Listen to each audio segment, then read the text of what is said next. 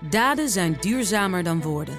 Bij PwC geloven we dat de uitdagingen van de toekomst vragen om een ander perspectief.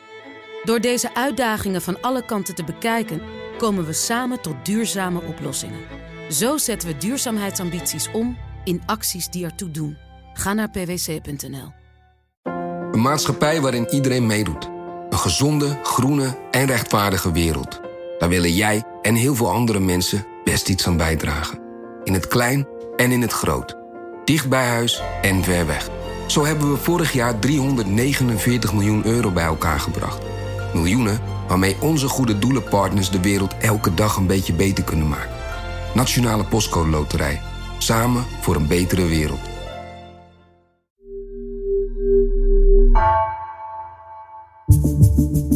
Vanaf de redactie van NRC het verhaal van vandaag.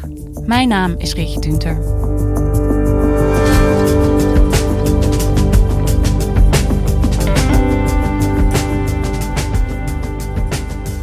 Afghanistan leeft in angst sinds de Amerikaanse president Joe Biden aankondigde zijn troepen terug te trekken. Na bijna 20 jaar moet het land het weer zelf gooien. Maar de Taliban staan nog altijd te springen om de macht te grijpen, ziet buitenlandredacteur Hanneke Shinafo. Wat betekent dit voor de toekomst van Afghanistan?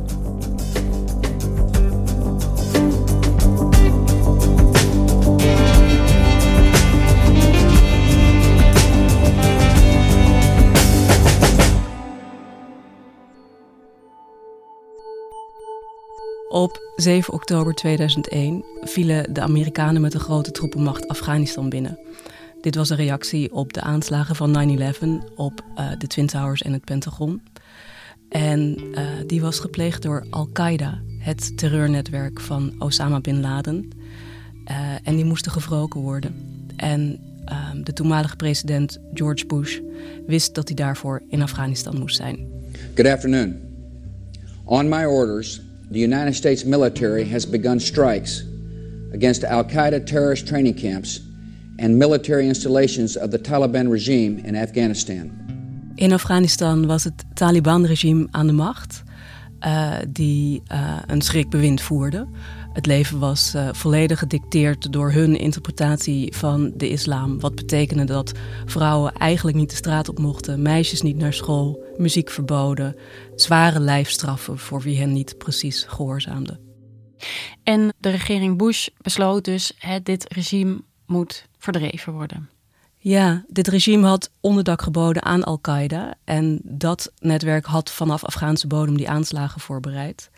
En het lukte heel makkelijk om die Taliban te verjagen. Binnen een paar maanden uh, hadden de internationale troepen dat land stevig in handen. En waren die Taliban verspreid en richting de bergen met Pakistan verdreven. Maar in die twintig jaar zijn de Taliban nooit echt weg geweest. En uh, het is inderdaad twintig jaar verder zijn we nu. Hè? En Amerikanen zitten er nog steeds. Ja, maar staan op het punt om definitief te vertrekken. We cannot continue the cycle of extending or expanding our military presence in Afghanistan, hoping to create ideal conditions for the withdrawal and expecting a different result. In april kondigde de huidige president Joe Biden aan dat er een definitief einde komt aan de militaire Amerikaanse aanwezigheid in Afghanistan. En daarmee ook de militaire aanwezigheid van alle NAVO-bondgenoten die daar ook nog uh, troepen gelegerd hadden. I've concluded that it's time to end America's longest war. It's time for American troops to come home. Uh, hij kondigde aan per 11 september, als het 20 jaar is na de aanslagen, is de laatste soldaat vertrokken. Heel symbolisch moment natuurlijk. Ja, en in werkelijkheid zijn ze waarschijnlijk eerder vertrokken. De terugtrekking begon na die aankondiging vrijwel onmiddellijk. En uh, die ging gepaard met grote geheimzinnigheid. Nu is het verhaal van Joe Biden dat de laatste Amerikaan eind augustus zal zijn vertrokken. Dus nog ruim voor die gestelde deadline van 11 september. En waarom wordt er zo geheimzinnig over gedaan eigenlijk, over het terugtrekken van die troepen? Het is bij een militaire terugtrekking altijd heel riskant om veel informatie te geven, omdat je kwetsbaar bent vanaf het moment dat je aankondigt dat je weggaat, als je vijand nog niet verslagen is. En het is ook een hele ingewikkelde operatie, omdat er heel veel uh, logistieke manoeuvres moeten worden uitgevoerd. Hè. Materieel moet het land uit of overgedragen aan de Afghaanse militairen. Of hè, als het uh, moeilijk het land uit te krijgen is, dan moet het worden vernietigd. En ondertussen ben je kwetsbaar. Dus het is tactisch slimmer om er pas over te praten op het moment als je mensen al weg zijn. Ja, precies. Je wil je kaart een beetje tegen de borst houden als je vertrekt uit een land. En um, wat weten we dan wel precies over wat daar nu gebeurt? Hoe, hoe weten we dat? Nou, je krijgt summiere persberichten van al die deelnemende landen, waarin staat: onze troepen zijn weer veilig thuis. De, de Nederlanders die um, in de noordelijke stad Mazari-Sharif uh, gelegerd waren, die waren eind juni weer terug. En zo gaat het voor al die landen. Dus de Britten uh, hadden vorige week hun laatste man teruggetrokken. De Duitsers hadden het uh, eerder ook al gedaan, de Italianen. En wat onlangs ook bekend werd, is dat de grootste Amerikaanse basis in Afghanistan, nabij Kabul gelegen, hij heet Bagram, ontruimd was. En het ging ook op een manier ja, waar je heel veel symboliek in kan zien. Mm. de Amerikanen vertrokken daar s'nachts, de laatste mensen, zonder het aan iemand kenbaar te maken, zelfs niet aan de Afghaanse militairen die hun moesten komen aflossen. Uh, later werd bekend dat die Afghanen enkele uren nadat de laatste Amerikaan was vertrokken, pas in die basis kwamen en zagen dat ze weg waren.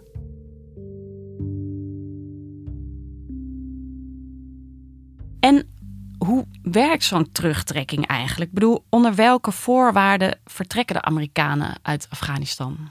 Er is een uh, akkoord gesloten tussen uh, de regering van uh, president Trump nog mm -hmm. en de Taliban. Dit was op 29 februari 2020. We've had tremendous success in Afghanistan in the killing of terrorists, but it's time after all these years to go and to bring our people back home. We just signed an agreement that puts us in a position to get it done, bring us down to in the vicinity of 8000 troops. En dat is de leidraad voor alles wat er nu gebeurt. Toen is aan de Taliban beloofd dat de internationale troepen zouden vertrekken. En dat is wat Joe Biden nu aan het doen is. Alleen de manier waarop dat toen beloofd is, die heeft het wel heel moeilijk gemaakt om het goed te doen. Ja, dus de regering Trump heeft gewoon een deal gesloten met de Taliban. Ja, eerder uh, heeft president Obama ook al geprobeerd om met ze te onderhandelen, maar dat liep steeds stuk. En Trump die was nooit voorstander van die militaire aanwezigheid in Afghanistan. Hij vond het allemaal maar een dure en zinloze oorlog. Dus hij stuurde een gezant naar Afghanistan met het doel regel een terugtrekking. Daar komt het eigenlijk op neer. En je zou kunnen zeggen, Biden heeft die deal geërfd hè, van Trump. Is dat dan ook tegen zijn zin uh, dat hij dat moet meenemen? Biden is eigenlijk al heel lang tegen die Amerikaanse aanwezigheid in Afghanistan. Dus in zoverre is hij het met Trump eens. Hij vond het een niet te winnen oorlog geworden. Hij noemt het ook de Forever War. Alleen de manier waarop het gaat, daarvan weet je niet of hij dat ook zo gewild zou hebben. Want hij zit nu eenmaal met die erfenis van die deal van Trump. En die heeft voor hem zijn ruimte voor manoeuvre ernstig beperkt. Ja, en waar zit hem dat dan in? Wat maakt die deal voor hem lastig? Trump had aan de Taliban beloofd: wij gaan weg per 1 mei 2021. En daar waren wel voorwaarden aan verbonden, maar die waren niet zo heel erg zwaar. De Taliban mochten geen Amerikaanse militairen meer aanvallen in de tussentijd. Ze moesten zorgen dat ze geen onderdak meer boden aan Al-Qaeda. Mhm. En ten derde zouden ze vredesonderhandelingen moeten beginnen met de regering in Kabul. Maar er is bijvoorbeeld geen eis gesteld aan de uitkomst van die onderhandelingen. Dus de Taliban konden makkelijk volhouden dat zij uh, zich aan de afspraken hielden. Terwijl zij ondertussen steeds meer terrein gingen veroveren in Afghanistan. En aanslagen pleegden op het Afghaanse leger. waarbij ook veel burgers omkwamen. Dus er is een hele gewelddadige periode achter de rug, waardoor Biden dus het gevoel had: ik kan helemaal niet weg per 1 mei. Mhm. dan, dan laat ik die Afghanen echt aan een lot over. Dus wat deed hij? Hij verlengde de Amerikaanse aanwezigheid tot uh, eh, 11 september dus. Maar heeft toen wel gezegd, dan gaan we onvoorwaardelijk weg. Omdat hij die Taliban ook weer iets terug moest geven in ruil hm. voor die verlenging. Dus wat heb je nu? Een situatie waarin de Amerikanen en alle andere internationale troepen definitief weggaan. En de Taliban eigenlijk alleen nog maar hoeven te wachten tot het zover is. En die deal, hè, dat is specifiek een deal tussen Amerika en de Taliban. Waarom trekken dan andere NAVO-landen zich ook terug? Amerika is altijd de leidende bondgenoot geweest in deze oorlog. De aanval was op hun grondgebied. De andere NAVO-landen kwamen Amerika te hulp. En het is ook zo dat die internationale troepen niet kunnen blijven als de Amerikanen zich terugtrekken. Dan staan ze te zwak. En ja, nu is het verhaal van al die landen. Onze missie is ook eigenlijk wel volbracht. Want Al-Qaeda is ook wel verslagen. In die tussentijd is er geen aanslag meer georganiseerd door Al-Qaeda vanaf Afghaanse bodem. Ja, dus nu vertrekt eigenlijk iedereen. En nu staat Afghanistan er weer alleen voor. De ene na de andere regering haast zich om te zeggen: we gaan militair wel weg, maar we blijven het land steunen door ontwikkelingshulp te geven. Maar de ervaring op dit moment van de Afghanen is toch vooral: we worden in de steek gelaten. Ja, de Amerikanen hebben dus twintig jaar in eh, Afghanistan gezeten, eh, samen met hun bondgenoten. Wat hebben ze daar nou eigenlijk bewerkstelligd? Wat voor land laten ze achter? Als je probeert de balans op te maken van 20 jaar internationale militaire aanwezigheid in Afghanistan, komt er een heel gemengd beeld uit. Hmm. Er is wel degelijk echte vooruitgang geboekt. Miljoenen meisjes gaan nu naar school. Ehm, er zijn universiteiten. In Kabul is een hele progressieve intellectuele elite opgestaan. Er is meer welvaart, maar er is ook nog steeds heel veel armoede trouwens. En er is een idee van democratie. er zijn verkiezingen, al zijn die zeer gemankeerd, maar Afghanen voelen wel dat het kan. Dat is echt wel gebracht naar Afghanistan. Eind juni was de Afghaanse president Ashraf Ghani te gast in het Witte Huis bij Joe Biden. Uh, dat bezoek was vooral bedoeld om te laten zien dat de Amerikanen de Afghanen niet in de steek laten. The partnership between Afghanistan and uh, the United States is not ending, and uh, you know our troops may be leaving, but support for Afghanistan is not ending. Ghani had toen ook gelegenheid hè, om de Amerikaanse militairen die in Afghanistan gediend hebben te bedanken. The United States has not spared any effort in blood or treasure during these years, and as a grateful nation, I want to acknowledge that. Tegelijkertijd is er ook heel veel niet gelukt. In veel districten op het platteland zijn de Taliban toch weer aan de macht. En is eigenlijk het leven weer grotendeels gelijk aan hoe het was voor 2001. Grote delen van het land zijn weer in handen van de Taliban. wat moet ik me daarbij voorstellen? Hoeveel is dat dan? In de afgelopen twee maanden hebben ze echt dagelijks nieuwe districten veroverd. Soms met bosjes tegelijk. Waardoor ze nu, ja, de tellingen verschillen. Maar zo ongeveer een derde van de 400 districten in het land weer in handen hebben. En ook steeds meer strategische posities weten te veroveren. De stedelijke centra nog niet. elke provincie heeft een hoofdstad, dat is dan het stedelijke centrum van die provincie. Uh, daar hebben ze er nog niet één van. Maar er wordt wel gevochten om een aantal van die steden. En de grote vrees is, als zij daar een aantal van in handen krijgen, dat ze dan ja, echt sterk in het zadel komen. En voor nu lijkt het dus vooral het platteland nog te zijn dat in handen van de Taliban komt. Wat merkt de bevolking daarvan? De Taliban zeggen zelf dat ze nu mensen meer ruimte bieden. Maar in veel plekken hoor je nu dat het toch weer is als vroeger. Ik zag van de week bijvoorbeeld een foto op Twitter gepost door een Afghaanse activiste. Van wat zij zei. Ik heb dit niet kunnen verifiëren, maar wat zij zei. Een uh, jongen was. Ik denk, ik zag hem, ik denk een jaar of 14, 15. Hmm. Die vastgebonden was aan een boom. Grote mensenmassa eromheen. Met het verhaal erbij dat um, de Taliban zojuist bij deze jongen zijn beide handen hadden afgehakt. Hmm. Omdat hij beschuldigd werd van een overval. Ja. Dit gebeurt gewoon weer. Je ziet op Twitter uh, filmpjes voorbij komen van mensen die zweepslagen krijgen. Van Taliban die in triomf door de straten rijden als ze weer een district veroverd hebben. En ja, de mensen lopen er, uh, ervoor uit. Die staan er in massa's omheen. Niet alleen maar te juichen, zeg maar. Hè? De, die vrezen voor wat hun uh, te wachten staat. En je zei, hè, veel mensen staan niet te juichen als de Taliban komt binnenmarcheren. Zijn er ook Afghanen die de Taliban wel omarmen? Ik bedoel, ze zijn nooit helemaal verdwenen uh, in het land. Hoe, hoe is die positie van de Taliban daar? Ja, het is altijd heel tweezijdig geweest. Aan de ene kant zijn ze de gevreesde geweldplegers. Aan de andere kant brengen ze orde. Uh, er zijn heel veel mensen erg teleurgesteld in de regering, omdat die aan corruptie en onderlinge strijd nou net niet ten onder gaat. Uh, maar er is heel veel wanbestuur ook op lokaal niveau. En de Taliban, ja, ze komen in elk geval orde brengen. Het is natuurlijk ook zo. Het zijn geen aliens, het zijn gewoon voor een groot deel Afghanen. Hmm. Dus zij halen ook recruten uit gewoon de Afghaanse bevolking. Dat gaat niet altijd vrijwillig, maar er zijn ook mensen die zich aansluiten. Het kan zijn omdat er hè, geen werkgelegenheid is en deze mensen wel nog uh, een soort van salaris bieden, maar het kan ook uit overtuiging zijn. Ja, precies. En je zei het zijn geen aliens en dat zijn Amerikanen natuurlijk wel. Ja, nou ja, ook zij worden verschillend bekeken er zijn eh, ontzettend veel Afghanen nu die zeggen: alsjeblieft, laat ons niet in de steek. Maar er zijn ook veel Afghanen woedend over de burgerslachtoffers die internationale militairen ook echt veel gemaakt hebben in de mhm. afgelopen twintig jaar. Ja, want uh, inderdaad, Hanneke, het Afghaanse leger moet het nu zelf gaan doen, hè, de bestrijding van de Taliban. Hoe sterk staat dat leger eigenlijk?